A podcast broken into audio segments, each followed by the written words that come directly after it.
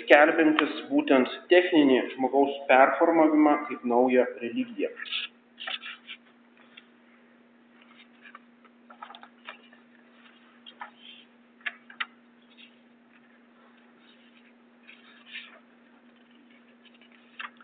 Pagrindiniai atstovai transhumanizmo, tiesiog bendram išsilavinimui. Jacques Fresco ir Peter Joseph, du čia pagal gimimo datą, reiškia, tiesiog chronologiškai. E, Jacques Fresco įsteigė Venus Project, Veneros projektas, toks technokratinės e, žmonių visuomenės pertvarkymo tokia vizija e, Venos judėjimas ir Peter Joseph e, prisijungė prie to judėjimo ir sukūrė tokius dokumentinius filmus, kurie buvo labai įtakingi. 2007 metais Zeitgeist, tai yra laiko dvasia, paskui jo tesiniai, būtent propagavo šitas Venus Project idėjas, e, e, turėjo nemažą įtaką, e, žinoma, svarbiausia Amerikoje. Toliau Ettingeris, krionikos tėvas, kuris įkūrė Krionikos institutą ir imortalistų e, bendryje, reiškia siekimas nemirtingumo, užšaldant visą žmogų arba užšaldant jos smegenis. Ir tiesiog sunku patikėti, kiek koks populiarus tas judėjimas, kiek tūkstančių žmonių, reiškia prieš pat mirties momentą, kada dar, reiškia, nesuiro tavo smegenis, leidžiasi užšaldomi iki minus kiek tenais laipsnio ir į tokias bačkas, reiškia, juos užkonservuoja geresniems laikams. Tūkstančiai, tūkstančiai žmonių šitą daro. Visos išimybės, kurios turi pinigų. Marvin Minsky, Junktinių Amerikos valstijų žydas, nepaprastai įtakingas dirbtinio intelekto e, kuriejas. Ir štai iš savo judaistinės praeities jis perėmė golemo mitą. Golemas tai yra dirbtinis žmogus, kuris E, kabalistinėmis e, machinacijomis daromas. Tai yra tokia jungtis tarp e, senosios, reiškia, okultinių, okultinių technologijų ir transhumanizmo judėjimo. Fereidun Esfandieri, kuris pavadino oficialiai dokumentuose, pasikeitė savo vardą, kaip vadinasi FM 2030, FM 2030, reiškia, pasikeitė į tokį vardą savo, reiškia, kad kaip mašina skambėtų. Ir Esfandieri, būtent šitą Huxley įvestą transhumanizmo savoką, jis ją išpopuliarino, jis ją įvedė į Kaliforniją, į Kalifornijan šitą visą e, atmosferą, skaitė viešas paskaitas 60 metais, tai yra tokia jungtis tarp 68 metų studentų kultūrinio judėjimo ir transhumanizmo. Turėjo milžinišką įtaką. Tai yra Persas, reiškia, iranietis Junktinėse valstijose, kuris e, būtent radikalus pro, pro, um, progresistas prieš bet kokias tradicijas. Toliau galima dar paminėti Mičijo Kaku, kurio knyga lietuviškai išleista, proto ateitis. Tai yra toks kaip apaštalas, reiškia, Junktinių Amerik, Amerikos, reiškia, Japonas, fizikas, mokslo populiarintojas. Kaip apaštalas keliauja po visą pasaulį, su paskaitomis leidžia knygas populiarias. Futuristas. Ray Kurzweil. E, JAV žydų informatikas ir futuristas. Vienas svarbiausių transhumanizmo ideologų The age of intelligent machines, the age of spiritual machines. Reiškia, mašinos taps protingos ir galiausiai perims iniciatyvą šitoje evoliucijos eigoje. Nataša Vitamor, parašysi transhumanizmo manifestą, jos vyras Max Moore. Ir taip toliau. Ir vienas įdomiausių atvejų tai yra E, JAV žydas verslininkas Rothblatt, kuris tapo transgenderė, vienas iš pirmųjų viešųjų transgender Amerikoje, Martina Ali, Alijana Rothblatt. Nepaisant to, kad mano, kad jau yra moteris, jisai vis tiek vedė žmoną, reiškia moteriškę, juodaodė ir turi sūnų Gabriel Rothblatt. Reiškia, yra tobulai politkorektiškumo, reiškia, absoliutus įsikūnymas fizinė forma, reiškia, Gabriel Rothblatt yra pusiau juodaodis, žydų kilmės gėjus, reiškia veganas ir taip toliau. Ir 2014 metais jisai kandidatavo į JAV kongresą Floridoje nuo demokratų partijos.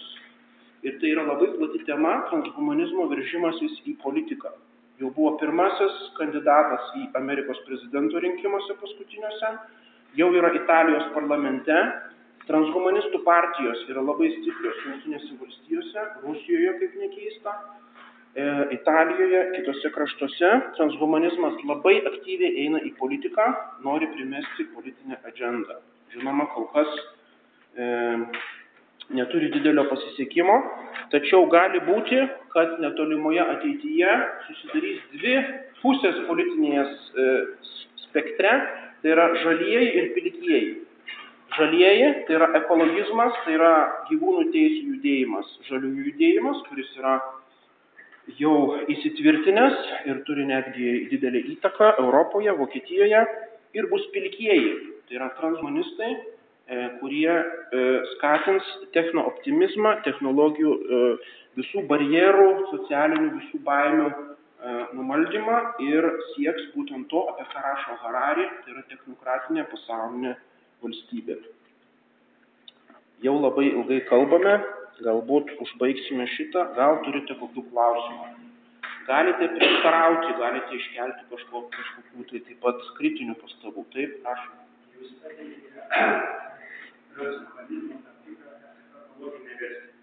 mhm. Taip, taip, taip, grinai. Čia yra viens prie vieno kopija.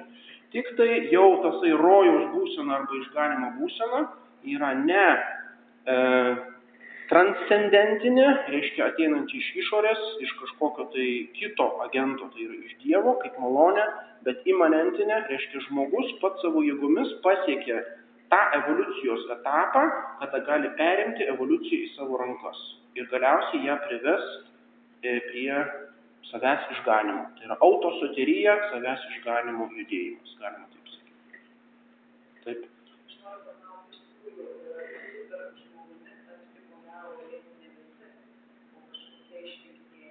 Taip, tai čia yra pačios įvairiausios transhumanizmo versijos.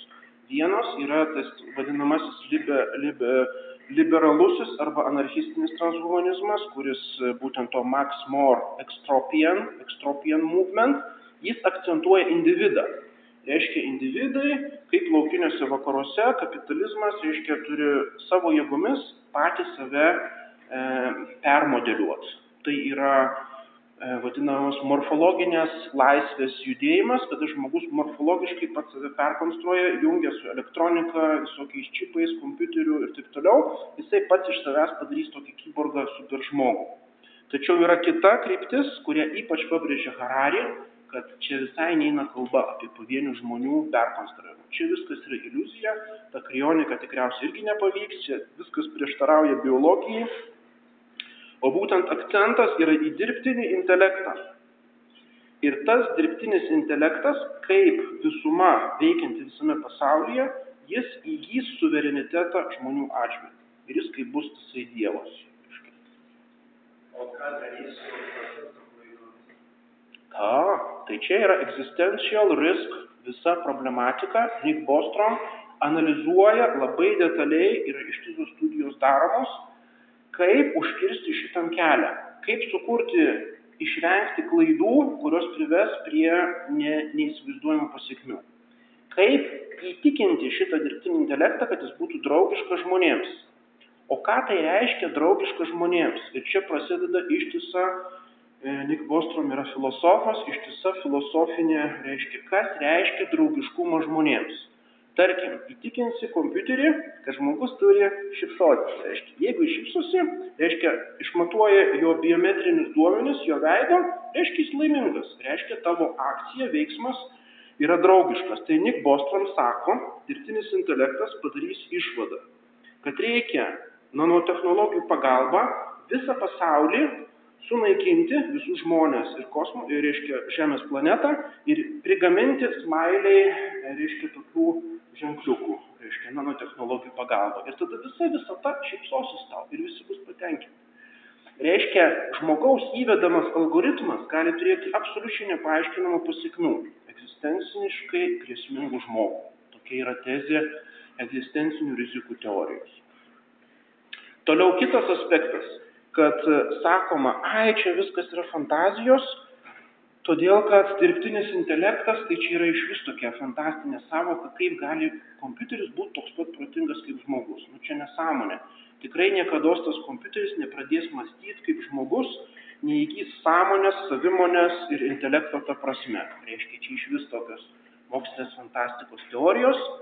Tai būtent šitas argumentas galioja vadinamajam General Artificial Intelligence. Reiškia, dirbtinis intelektas, kuris bus generalinis kuris turės algoritmą ne ten automo, automobiliui konstruoti arba kokiems nors e, virusams gaudyti internete, tam tikrai funkcijai, bet jis turės generalinę, reiškia, jis galės visose srityse universaliai veikti.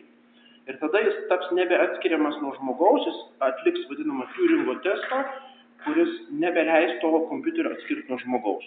Jis savo kalbėjimu, veikimu, jis visiškai, reiškia, bus kaip žmogus ir, ir veiks kaip žmogus. Dabar daug teoretikų sako, kad tai yra visiškai iliuzija ir kad šito General Artificial Intelligence mes nepasieksim, kadangi mes net nesuvokiam filosofiškai, kas tai yra sąmonė, kas tai yra žmogaus intelektas. Iškia, neuro, kognityvinis neuromokslas dar net iš tolo negali prisertinti prie tos savokos. Reiškia, čia gali būti, kad fantastikos rytis ir tas mašinos, mašina, tas metalo gabalas, reiškia, niekada ne, nemastys kaip žmogus. Bet Paskaitykite, ką rašo Harari, homodėjus. Šito visiškai nereikia. Dabartinių dirbtinio intelekto galimybių, dirbtinis intelektas dabar yra visur. Be dirbtinio intelekto mes negalim įsivaizduoti dabartinės ekonomikos. Visa interneto industrija, visa pramonė, visa sociologija, viskas remiasi dirbtiniu intelektu. Reiškia, jis jau yra kaip bazė viso ko. Ir reiškia, dabartinio lygio dabartinių kompiuterių pajėgumų ir dabartinių algoritmų šito pajėgumo visiškai užtenka, kad dirbtinio intelekto, reiškia visuma, tie visi kompiuteriai pasaulyje įgytų suverenitetą žmogaus atžvilgiu ir imtų dominuoti žmonėje ir imtų valdyti žmogų, perimtų iniciatyvą. Ir čia tikrai nėra taip fantastiška, reikia pasiskaityti Harari argumentus, jie visiškai įtikinamai skamba tai gali būti. Ne dėl to, kad tas kompiuteris bus protingesnis už žmogų, bet dėl to, kad žmogus yra pa, pa, pakankamai kvailas ir naivus, kad sukontroliuotų šitą technologiją. O kokie bus šito evoliucijos tempai? Pavyzdžiui, kada pamatys kalbos bendravimo priemonės? Nu taip, būtent čia viskas yra yra mūsų minėtojo Kerzvailo, Rejaus Kerzvailo e, knygos, e, kurias nuo 49 metų, reiškia, jis šitą tyrė ir jo yra tos teorijos apie eksponentinį augimą, technologijų eksponentinį augimą.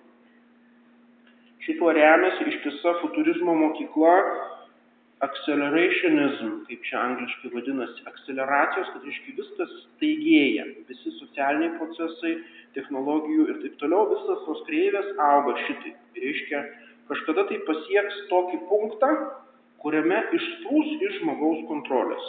Ir šitą e, Kersvail pavadina singularity. Tai yra singularumo įvykis.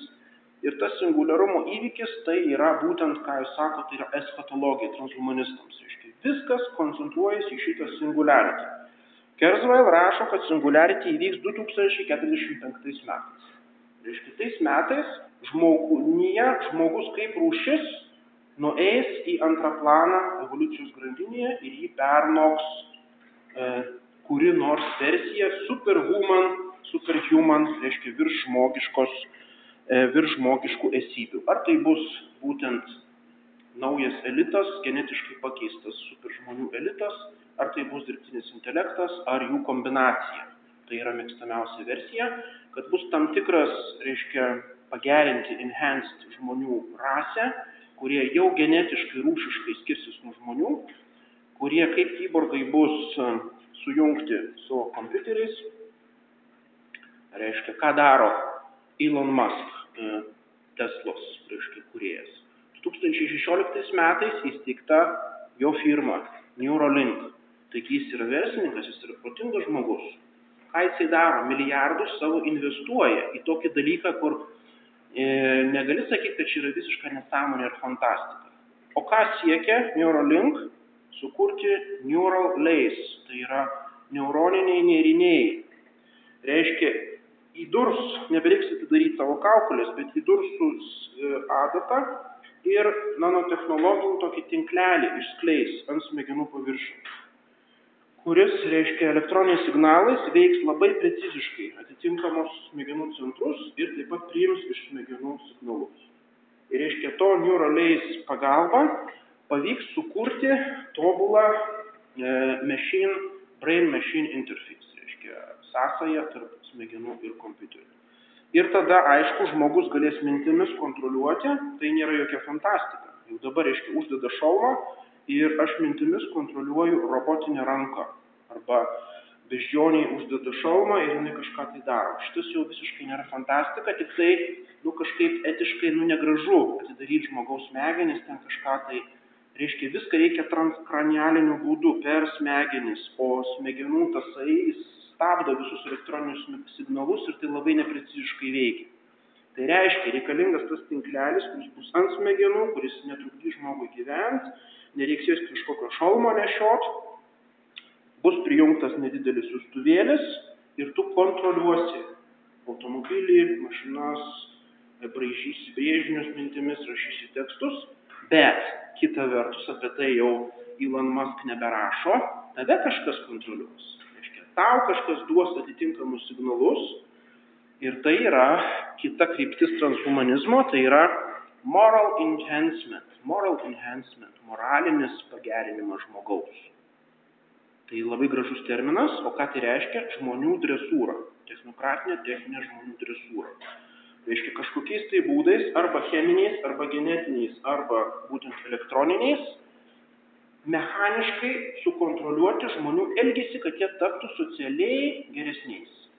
Pašalinti agresiją, pašalinti visokias įdas, reiškia tai, ką klasikinė paidėja arba auklėjimo mokslas siekia per darybės, įtikinti žmogų, kad jis pats susiformuotų teisingą mąstymą ir pats taip elgtųsi, tau pagalba, techninė pagalba reiškia bus daroma.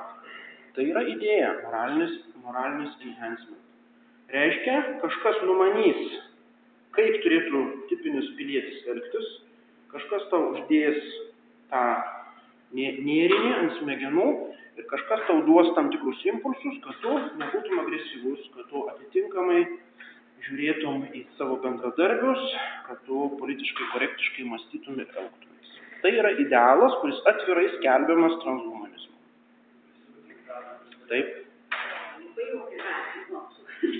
Ne, aš sakau, kad lygiai dabar turi šansų versija, kad visa tai yra fantazijos ir, tarkim, kyla karas, koks nors didelis karas tarp Rusijos, kyla ekonominė krizė, visi tie kompiuteriai tuoj pat nebebus jiems net elektrą už ką sumokėti. Visas tas verslas kaip ant kortų namelis sugrius. Gal viso to iš vis nebus, bet aš kalbu, kad yra galimybė, kad tas juodas scenarius gali tam tikrų būdų išsipildyti.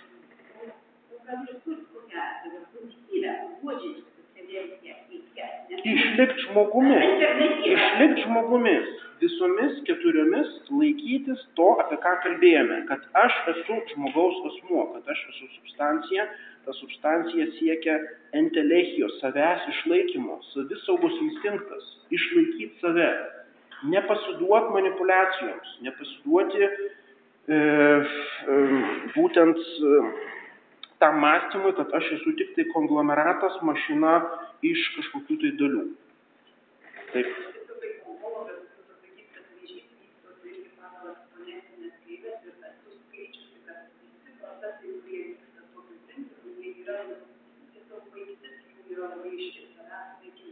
Mhm.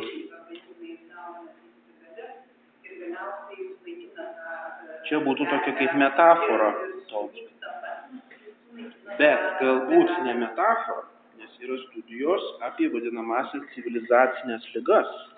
Reiškia, yra tam tikri susirgymai, tam tikros lygos, ką mes dabar matome. Autizmas, reiškia, onkologiniai susirgymai, toliau e, alergijos ir taip toliau. Tam tikri susirgymai, kurie nepaprastai auga. Ir žmonija kaip tokia nebesusidoroja su jais. Taip pat naujos virusinės, reiškia, e, e, epidemijų pavojus ir taip toliau. Reiškia, žmonija kaip tokia yra tam tikri genetiniai procesai, kad yra tam tikra degradacija pačiame žmoguje. Reiškia, galbūt e, viešpats Dievas davė vis dėlto tokią programą, kad kai žmogus pernelyg pasikels į puikybę, ką graikai vadino hibris, reiškia šitą savęs sudėvinimo puikybę, tai jis galų gale nuo genetinių visokių deformacijų, mutacijų, reiškia eksponentinio augimo, jis patirs, reiškia, tam tikrą pažeminimą. Reiškia, sumažės žmonių populiacija. Čia galimas vienas iš variantų, kaip tie mūsų juodi scenarijai nebus, nebus įgyvendinti. Ir kas dar kitas, kitas e, aspektas, kas svarbu medikams, apie vaistus, farmacijos pramonę. Farmacijos pramonės krizė. Kalbama apie, kaip tas angliškai vadinasi, reiškia unikalios arba naujos cheminės substancijos. Reiškia ne taip, kad vaistus biški ten pakeiti, uždedi naują etiketę ir juos parduodi. Bet sukurti naujas cheminės substancijas tam tikroms lygoms gydyti. Šitų substancijų skaičius per metus vis mažėja. Investicijos į farmacijos pramonę vis didėja. Milijardai, milijardai kiekvienais metais vis daugiau, iški vis sunkiau išrasti naujus vaistus. Visa viltis buvo sudėta į vadinamą išmanėją mediciną, ir į genetinės, reiškia, žmogaus genomo, genomo projektą. Reiškia, žmogaus genomas buvo perskaitytas ir dabar sako, o viskas, žinom žmogaus genomą, tuoj pat nustatysim, kurios lygos susijusios su kuriais genais ir sukursim individualias piliulės. Kiekvienam pacientui perskaitom tavo genus, matom tiksliai kokios tau lygos, kad be šalutinių poveikių ir tau duodam vaistą. Čia buvo toks kaip hype, reiškia, reklaminis šūkis ir visa farmacijos pramonė metėsi ant šito genomo projektų, investuoti milijardai, milijardai, reiškia, iš tikrųjų nuskaitytas tas žmogaus genomas, tarkim, Bayer firma, reiškia, vienas svarbiausių gigantų. Tasai žmogus, kuris buvo atsakingas už genomo projekto, reiškia, e, rezultatų pritaikymą Bayer firmos naujų šitų cheminių substancijų kūrimui, sako, visus tuos milijardus Bayer firma išmetė į šiukšlių dėžę. Tas projektas visiškai nieko neatnešė ir visa farmacijos e, pramonė yra tam tikroje krizėje. Toliau produkuoja, žinoma, tonomis tuos visus senus vaistus, kuo puikiausiai juos visus geriam. Reikia pripažinti, tie vaistai iš tikrųjų gelbsti milijonus gyvybių, labai svarbu. Bet, kaip sakoma, tos vadinamos civilizacinės lygos, retosios genetinės lygos ir taip toliau, jos auga jų daugėja, naujos e, virusinės grėsmės ir farmacijos pramonės su to nebesusitvarko. Ir gali būti, kad paprasčiausiai bus tam tikras biologinis sprendimas, tai reiškia žmogus, žmogaus puikybė bus numa, nužeminta tam tikram etapui. Ir tada viso, viso tai, apie ką kalbam, jau bus fantastikos rytis ir nebeaktualu. Kiek turi žmonės kantrybės dar, kai kas išlikus.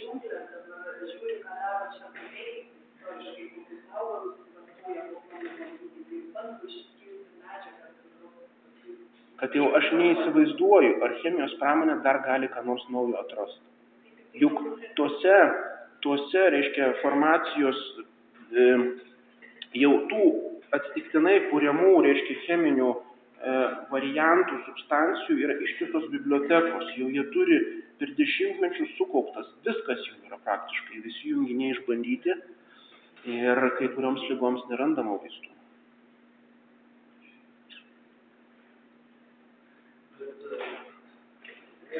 Taip.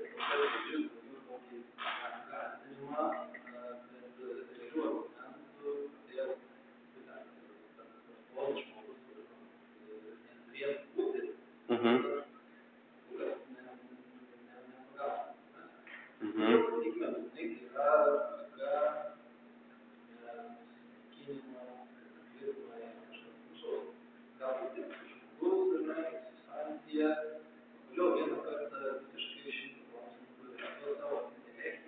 Mhm.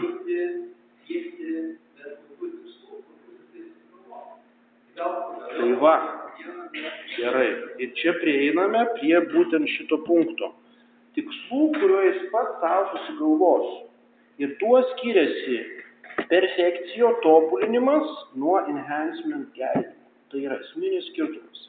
Nes perfekcijo tai yra siekiama savo entelechijos, savo prigimties tokio tikslo, kuris yra pagal pačią prigimtį. Reiškia, aš jį turiu atrasti, aš turiu savo protą prie jo pritaikyti, aš turiu išmokti, kas aš esu, kokia yra mano prigimtis, koks yra mano tikslas ir koks yra mano planas pagal objektyvę gamtos arba teologinėje kalboje Dievo tvarką ir pagal tai save tobulinti. Ir tada žmogus tampa perfektus homo, kuris yra visose religijose, kultūrose aukščiausias idealas ir lygiai tas pats krikščionybėje. Yra šventasis kaip tobula asmenybė. Reiškia, aš prisitaikau prie objektyvios duotos tvarkos. Aš ne pats išrandu, koks aš norėčiau būti, bet aš atrandu tą prigimties tvarką, natūra rerum. Enhancement idealas yra perimtas būtent iš egzistencializmo. Absoliuti emancipacija, absoliuti laisvė. Reiškia, Sartre, kas yra žmogus, tai yra nieko nevaržoma savivalė. Tai yra žmogaus definicija. Reiškia, absoliuti laisvė, kuri gali bilę halį bet, bet kurią kryptį. Ir tada kaip jisai nori. Reiškia, pirmas įgyvendinimas šito, tai yra transgender ideologija. Reiškia, šiandien aš esu queer koks nors tenais. Kitą dieną aš jau esu transwoman kokia nors tenais androgyn. Trečią dieną Facebook'e aš pasikeičiu, reiškia, kiekvieną dieną, o paskui aš esu pusiau žmogus, pusiau katė, o kitą dieną dar kažkas, reiškia. Ir žmogus savo, tai tada būtent pagrindinis filosofinis argumentas prieš transhumanizmą sako, jūs norite pagerinti žmogų ir pagerinti žmogaus kondiciją. Tai jūs pirmiau apsibrieškit, ką reiškia gerumas. Kas tai yra gera? Kas yra gera kognityvinėje srityje, kas yra geras sveikatos srityje, koks yra skirtumas tarp patologijos ir normos, kas yra sveikata, kas yra lyga. Dėl visų šitų klausimų mes dar visiškai neišsiaiškinom, kas yra geras, o jau puolame techninėmis priemonėmis gerinti žmogų. Tai va būtent tas ir yra. Ir tada vienas, reiškia, tempia gerinimą į vieną pusę, kitas į kitą pusę. Kas yra gera? kas yra gerai. Ar bus gerai, kad, tarkim, žmoguje bus sumažintas agresijos lygmuo. Arba cheminėmis priemonėmis, arba pakeičiant tam tikras genetinės struktūras smegenyse. Tarkim, nu, sakom, agresija blogai, ypač Amerikoje, primityvus mąstymas. Per daug ginklų, visi šaudosi tenais, sumažinom agresiją. Žmonės tap švelnesni, labiau empatiški, labiau socialus. Taigi labai gerai. Jeigu panalizuotume, ką tai reiškia, tai būtų prieš tradicinį žmogaus tobulinimo idealą, tai būtų prieš tvirtumo darybę, kuri yra viena iš kardinalinių darybių. Tvirtumo darybė tai yra galimybė pasipriešinti, tai yra galimybė agredį, sustinėrė ir agredį, reiškia pasipriešinti, ištverti ir pulti ir nugalėti. Tai yra e, antikinis ir krikščioniškas idealas. Reiškia, jeigu mes nesusitarėm dėl to, kas yra gerumas, kaip mes galim kalbėti apie gerinimą žmogaus. Taip? O, tai aš ir kalbu, kad tai yra vakarų civilizacijos pilietinis karas. Dėl šitų dalykų bent jau 200-300 metų ginčiamasi. Jie nuspręs, kažkas nuspręs, kas yra geriau, kas yra politiškai korektiška, kas yra lengviau valdoma ir administruojama tas ir bus paskelbta darybė. Savo laiku, kad pasakė, kad jeigu 21 amžius nebus humanistikos amžius, tai kalbėti. Šiandien, ką iš čia papasakau, tai iš tiesų yra. Jeigu mes neturim poetinio tai tada visas čia labai baisu, atrodo, techniški dalykai. Ir tas pas mus, pavyzdžiui, prieš neįsime tai yra perfection. Pavyzdžiui, jeigu šiandien gali embrioną, embrioną, kažką padaryti, tikrų rūšiškų, jeigu ten yra patologijos ar ne, Tai žinoma, visomis keturiomis už. Taip, taip. Žinoma. Ne. Tai aš dar norėjau pabrėžti nuo pradžių, kad krikščioniškas požiūris jokių būdų nėra technofobiškas, jokio atžvilgių. Visas technologijas reikia vystyti, bet jos turi būti priemonė. Reiškia, o kada yra priemonė? Tada, kada žmogus jas suvaldo objektyviam, objektyviems savo tikslams ir objektyviam prigimties, e, reiškia, tobulinimui. Ir ką aš netkreipiau dėmesio būtent į tą, jeigu pastebėjote, aš nevartojau žodžio bioetika. Aš nekalbėjau apie etiką, aš kalbėjau apie ontologiją. Nes bioetika dabar tampa moralizavimu, tampa tokiu moralistiniu, reiškia, kalbėjimu. Reikia jį remti ontologiją, reikia remti metafiziką, reikia atsižvelgti į visą kontekstą. Mes negalim izoliuotai kalbėti apie kažkokią bioetiką. Ir ypač jeigu šita bioetika paremta vadinamąją vertybių filosofiją. Jeigu kalbam apie vertybės, amerikiečiai, family values, tai yra mirtis bet kokia bioetika. Jeigu mes viską paremiam šitą savoką vertybės, tada mes sunaikinam. Reiškia, vienas turi vienas vertybės, kitas kitas, o kaip Nyčia sako, galutinis tikslas yra visų vertybių pervertinimas. Arba kitas išpopuliarėjęs toksai žodis pro-life, kuris vis dėlto, aišku, čia toks kaip šūkis yra, patogus, bet vis dėlto jis turi klaidingą konotaciją. Pro-life bioetika. Ką reiškia pro-life? Tai reiškia Albert Schweitzer, šveicarų, reiškia, e, e, misionierius, reiškia, e, a, kaip čia sakyti, geradaris Afrikoje, kuris, kurio Šveicario filosofija yra gyvybės kilnumas. Bet kokia gyvybė, ar tai būtų žmogaus gyvybė, ar tai būtų, gyvybė, ar tai būtų gyvūno gyvybė, bet kokia gyvybė yra šventa, reiškia Šveicar tokia sumistino, reiškia pačią gyvybę savoką, reiškia, nie vienas neturi jausti skausmo, neturi kentėti, tai yra grinai tas, ką sako tie patys transhumanistai - asmenų skalė. Reiškia, visi sensijans būtybės, turinčios galimybę kentėti, turi teisę jos nepatirti. Reiškia, žmogus yra žiaurus, jeigu laiko naminius gyvulius arba juos skerdžia arba valgo mėsą.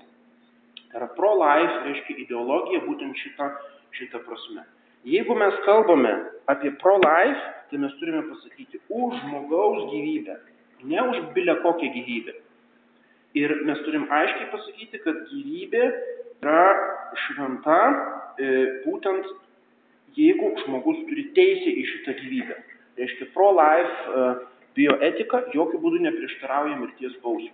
Tai yra visiškai aiškiai klasikinė nei mirties bausmė neprieštarauja, nei nereiškia pacifizmo arba priešinimuose karui kaip tokia.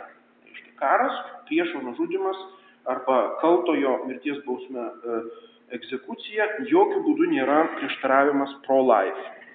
Ir, ir e, reiškia patikslinimas, šitas patikslinimas, bioetinių savokų patikslinimas ir pagrindimas įmanomas tik tai remiantis metafizika, sveika ontologija. Jeigu mes remiamės vertybių filosofiją arba jeigu mes remiamės personalizmo įvairiomis versijomis, mes statome namą ant smėlio, kuris sugrius ir kuris neturi galios, reiškia, argumentuotai diskutuoti su transhumanizmu. Taip,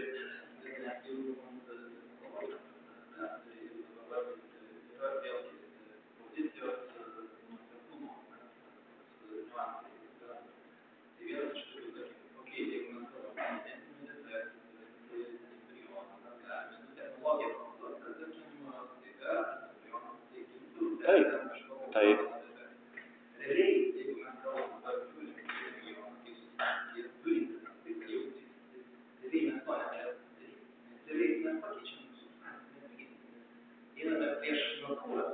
Nu tai klausykit, tai ir tai čia analogiškai paprasto ligonio gydimas. Jis yra visiškai natūralu, kad statistiškai tam tikram ligonių skaičiui atsiranda vėžys. Tai reiškia, jeigu mes juos gydome, mes einame prieš gamtą. Tai čia yra, ką mes kalbėjome - natūra, prievarta, ars arba menas ir antgamtė. Reiškia, medicina yra vienas iš menų. Žmogaus gydimas, pastatymas ant kojų, jeigu jis nugriuvo. Žmogaus gydimas, jeigu jis susirgo. Kadangi yra aiškiai ontologinė skirtis tarp patologijos ir normos, ką neigia dabar. Tai yra klibinimas šito, kad nebūtų aišku, kas yra lyga, kas yra, kas yra sveikata. Arba tarkim, kas yra gydytojas? Transhumanizmo visoje perspektyvoje gydytojai kartu su programuotojais bus kariai pirmame fronte transhumanizmo. Reiškia, gydytojo pagrindinė užduotis bus nebe gydyti, o enhancement, gerinti žmonės. Ir tai mes matome, tarkim, plastinės chirurgijos, tai yra bomba, reiškia sprogimas plastinės chirurgijos mados. Reiškia, jeigu turtingoje visuomenėje žmogus atrodo kaip senas žmogus, tai jau jis yra, tu apsileidęs, tu bomžas kažkoks, kaip tu negali nueiti pasidaryti plastinį. Reiškia, atrodyti pagal savo amžių jau yra nebepadoru. Taip kaip vaikščioti, reiškia, be kelnių arba nesiprausus. Ką tai reiškia? Kad vis daugiau medicinos potencialo, gydytojų darbo laiko e, medicinos ir taip toliau bus skiriama nebe patologijų gydymui ir lygų gydymui, bet žmonių gerinimui. Tarkim, einam, e, reiškia, vadinamoji europietinimo plastinė chirurgija. Milijonai, milijonai žmonių Kinijoje, Singapūrė, Japonijoje darosi plastinės operacijas, šalinant šitas, reiškia, mongoloidų rasės tas, e, reiškia, plėvelės, kad jų akis būtų tokios kaip europiečių.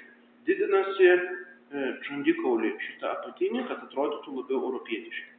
Reiškia, Michael Jackson tai yra transhumanizmo ikona. Reiškia, yra tas žymusis plastinės chirurgas, kuris būtent metų metais formavo iš Michael Jacksono visiškai naują būtybę, kuri paskui rodydavosi savo sekančiais pavydalais, reiškia, šau. Tai buvo tokio elito žaidimai. Dabar tai, kas buvo elito, tai tampa jau norma. Mes sakom, milijonai žmonių, kas tik turi biški pinigų. E, Pietų Korejoje eina pas plastinį chirurgą ir europietinasi savo veidą. Tas pereina ne tik į plastinę chirurgiją, e, reiškia antidepresantų vartojimo visą problematiką. Paskui yra statistika, ar ne 30 procentų visų studentų Junktinėse valstijose naudoja e, nootropinės priemonės, reiškia psichoaktyvės priemonės, prieš egzaminus ir studijuojant. Reiškia, tu būsi nebekonkurencingas, tu nebepasiruoši paskaitoms ir egzaminams, jeigu tu ne enhance savo psichikos. Kokios pasiekmes viso to, tai yra katastrofiškos. Bet būtent, juk atrodo, kas čia tokio, aš biškai išgeriu, mažiau miegu, atmintis veikia kaip mašina, viską iškalu, puikiausiai duodu egzaminus. Jeigu tai daro vienas, tai nieko, taip kaip dopingai. Bet dabar, tarkim, sporte, visas olimpinis judėjimas, sporto judėjimas jau griūva iš savo pagrindų, kadangi dabar visus šunis sukorė, reiškia, ant Rusijos, kadangi toks yra bet visi sportininkai, tai yra neįmanoma absoliučiai jokiame aukštesnėme sporte funkcionuoti, jeigu tu kilogramais negeri pačių įvairiausių, reiškia, šitų dopingų preparatų. Ir dopingai tai yra ne tik tai vaistai, tai yra savo pačies paties kraujo perpilimas, tai yra tūkstantis kitų procedūrų. Reiškia, visoje sporto srityje tu nebegali funkcionuoti, jeigu nesimi enhancement. Ir tam, aišku, reikia milijonų gydytojų ir tai yra uh, didžiulis verslas. Tas pats bus karyboje. Negalėsi eiti į kariuomenę ir funkcionuoti kariuomenėje, jeigu tu nebūsi pagerintas tam tikromis priemonėmis. Tai jau visiškai einama link to. Reiškia, didžioji dalis tų žmonių, kurie dabar vadinami medikais, reiškia gydytojais, gydo patologijas, darbuosis žmonių gerinimui. Taip, kaip tie žmonės patys užsinorės. Vienas norės turėti kokį nors čipą rankoje, su kuriuo reiškia kažką tai. Kitas norės reiškia, tai yra vadinamoji morfologinė laisvė. Kiekvienas žmogus turi laisvę keisti savo viską. Paskui yra genetinė laisvė, keisti savo e, genus, tai yra vadinamieji biohackers judėjimas. Paskui yra e, vadinamoji kognityvinė laisvė, reiškia, nuotropiniais vaistais keisti savo mąstymą kaip nori. Reiškia, tai yra vadinamosios naujos laisvės ir šitos laisvės dėka rinkos ekonomikos ir konkurencijos tuoj pat tampa pareigomis. Lygiai taip kaip eutanazija. Reiškia, tai yra laisvė, jeigu tu nebepakenti skausmo, tu mirsi. Olandijoje, Belgijoje, šitose kraštuose eutanazija tampa pareiga. Tu nebegali, tiesiog kaip tau sąžinė leidžia likti našta šitai visuomeniai, kurie visi normalūs žmonės, suėjus tam tikram amžiui, šiek tiek pablogėjus sveikatai, eina ir atlieka eutanaziją. Reiškia, iš šitų morfologinių ir visų kitų laisvių iš karto ateina pareigos ir iš karto ateina socialinis spaudimas ir prievarta. O jeigu prievarta, Tai reiškia, masė, masė žmonių, specialistų, medikų, genetikų ir visų kitų turi šitą poreikį patenkinti. Ir taip visa farmakologijos pramonė ir medicina galų gale pereina transhumanizmo tarnybon. Kaip jūs ištveria tokią paskaitą? Taip, taip. Ką mes kalbam? Reiškia, tos bio, bioetikos problemos, kurios lygi šiol buvo dešimtmečiais akcentuojamos, abortas, eutanazija ir taip toliau visi šitie dalykai, tai yra daliniai atvejai platesnės krypties, kuri vadinama transhumanizmu. Tai reiškia, transhumanizmas jau yra, jis jau yra dominuojanti kryptis. Bet kol kas tik tai tam tikrose srityse. Tarkim, e, tai, ką mes vadiname prokreacija, o reiškia, būtent transhumanistai vadina e, reprodukcija. Koks žmogaus reprodukcija? Žmogus nėra produktas, o yra žmogaus prokreacija. Kalbam apie reprodukcinę laisvę ir, reiškia, būtent tos reprodukcinės laisvės rytyje transhumanizmas jau yra ir yra dominuojanti ideologija.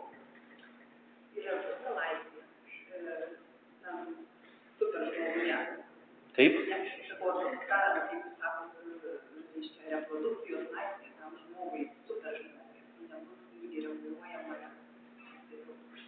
E, reiškia, viena iš trans... Taip, viena iš transhumanizmo, reiškia, krypčių tai yra postgenderizm. Postgender, e, dabar aš nerasiu, reiškia, autorės, kuri rašo, kad neįmanoma feminizmo pergalė ir lyčių emancipacija ir viską, ką mes darome, reiškia, feministės yra visiškai beprasmiška, jeigu išliks fizinis, biologinis vyro ir moters skirtumas. O kur tas skirtumas aktualiausias, tai yra gimdymas. Nuo moteriškės turi gimdyti. Nu, kaip šitaip galima? Tai yra tokia diskriminacija, tokia neteisybė ir baisus, reiškia, pažeminimas, reiškia, viskas susiveda, reiškia, sako jinai, visas feminizmas ir postgenerizmas turi koncentruotis į moters išlaisvinimą nuo e, šito evoliucinio proceso gimdymo. Kaip tai padaryti? Dabar turtingieji jau tai daro, tai yra surogatinė motinystė. Reiškia, Pugačiova ir Galkinas, reiškia, kažkam užmoka ir turi gražius, genetiškai e, suprogramuotus vaikelius. Tai yra turtingiesiems, vis tiek kažkas turi gimdyti.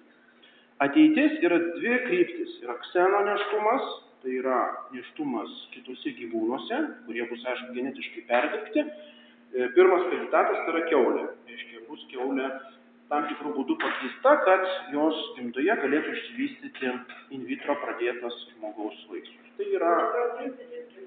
Taip, ir, ir kita kryptis yra dirbtinė gim- gimda. Bet dirbtinė gimda sukurta aš neįsivaizduoju. Čia yra labai sunku, nes yra pirmiausia dializės visi mechanizmai, tai yra nepaprastai sunku ir artimiausioje ateityje nenusimato dirbtinės gimdos. Daug greičiau bus kseno neštumas. Reiškia, tikrai galbūt galima pakeisti keulę, kad jinai galėtų tą išnešti. Ir viskas, ir visi vaikai bus keulių vaikai, reiškia, ir bus moteris galutinai emancipuotos. Kaip? Taip. Mhm. Kol kas ne, nes, nes žmonės dar labai primityviai supranta genetinius mechanizmus ir.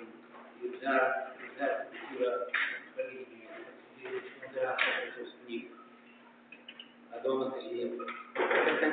Lygiai tas pats, ką mes čia šiandien kalbam, kas vyko pasaulyje. Lygiai tas pats. Šitoje gražia forma pasiūlė tą vaizdą. Nu, tai taip, taip, taip, taip, taip, taip. Taip. Ta baimė tada atsiranda. Tai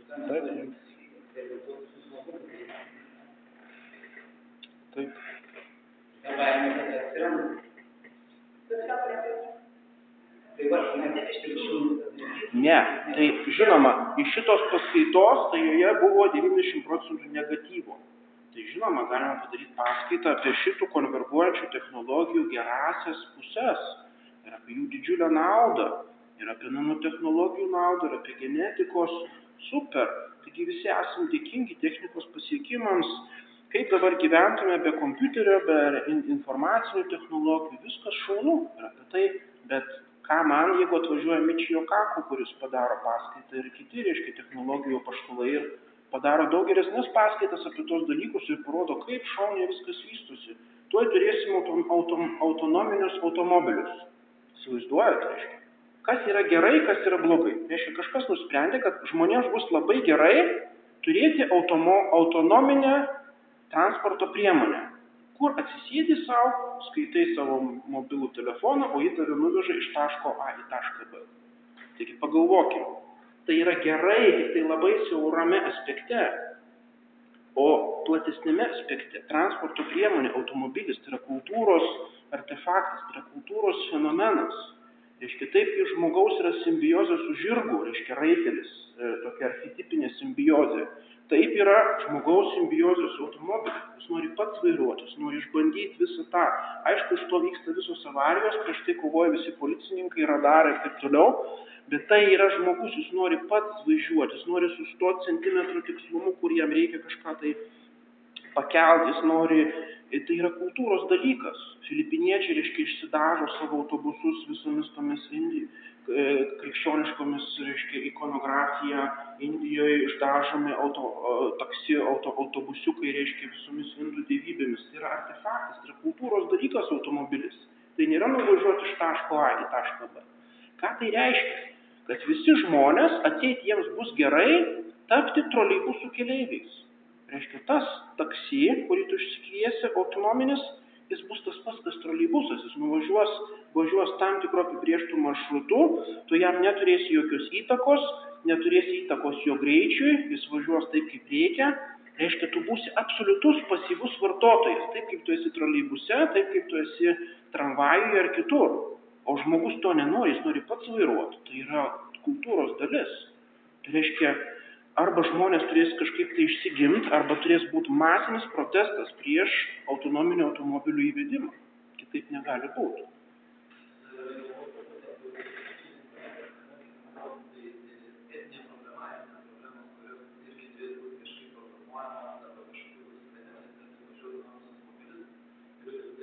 Taip, taip, taip, čia autolit, taip.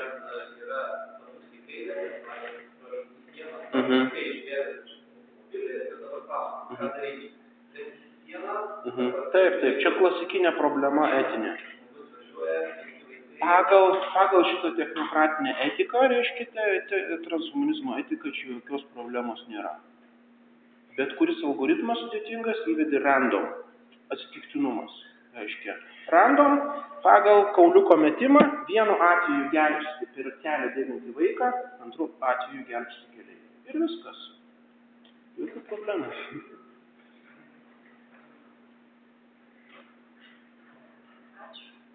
Prašom, dėkui už kantrybę.